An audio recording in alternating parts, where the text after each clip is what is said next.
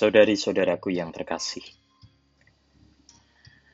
saya akan membacakan Injil Yesus Kristus menurut Yohanes bab 12 ayat 1 sampai dengan 11 yang menjadi bacaan harian untuk liturgi hari Senin dalam Pekan Suci.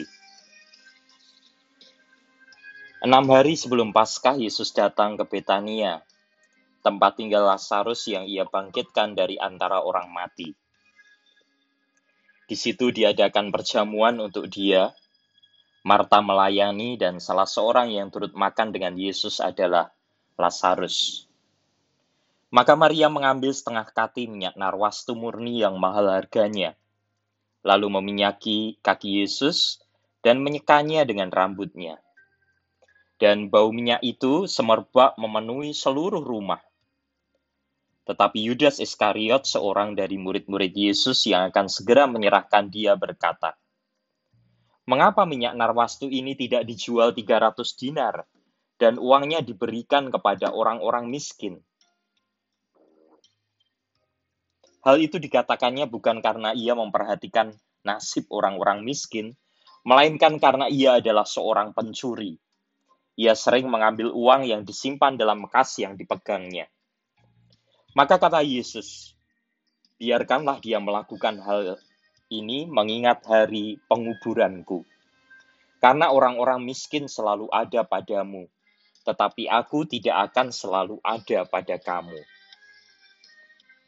Banyak orang Yahudi mendengar bahwa Yesus ada di Betania, maka mereka datang bukan hanya karena Yesus, melainkan juga untuk melihat Lazarus yang telah dibangkitkannya dari antara orang mati. Lalu imam-imam kepala bermufakat untuk membunuh Lazarus juga, sebab karena dialah banyak orang Yahudi meninggalkan mereka dan percaya kepada Yesus. Demikianlah Injil Tuhan. Terpujilah Kristus.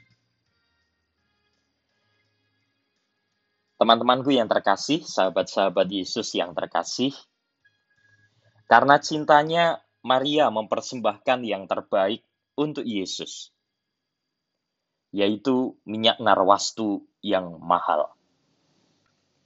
Ada banyak penafsir mengatakan bahwa pengurapan ini juga tanda wafat Yesus. Bahkan Yesus sendiri mengatakan, "Biarlah dia melakukan hal ini mengingat hari penguburanku." Karena orang-orang miskin selalu ada padamu, tetapi aku tidak akan selalu ada pada kamu. Tetapi saya lebih melihat bagaimana cinta yang tulus itu menggerakkan orang untuk memberikan yang terbaik. Cinta yang tulus menggerakkan orang untuk memberikan yang terbaik. Allah Bapa memberikan putranya yang terkasih karena cintanya kepada kita.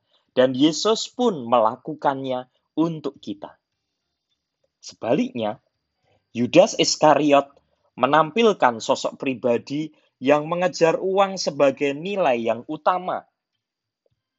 Tidak ada kasih di sana, yang ada hanya untung dan rugi. Apa yang ia cari adalah apa yang menguntungkan untuk dirinya sendiri.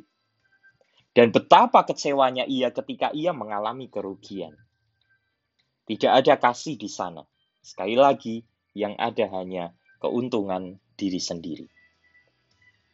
Bagaimanakah perbuatan kita sehari-hari? Nilai apa yang kita perjuangkan di dalam perbuatan-perbuatan kita? Atau bisakah kita menghargai perbuatan baik orang karena nilai kasih yang ia perjuangkan?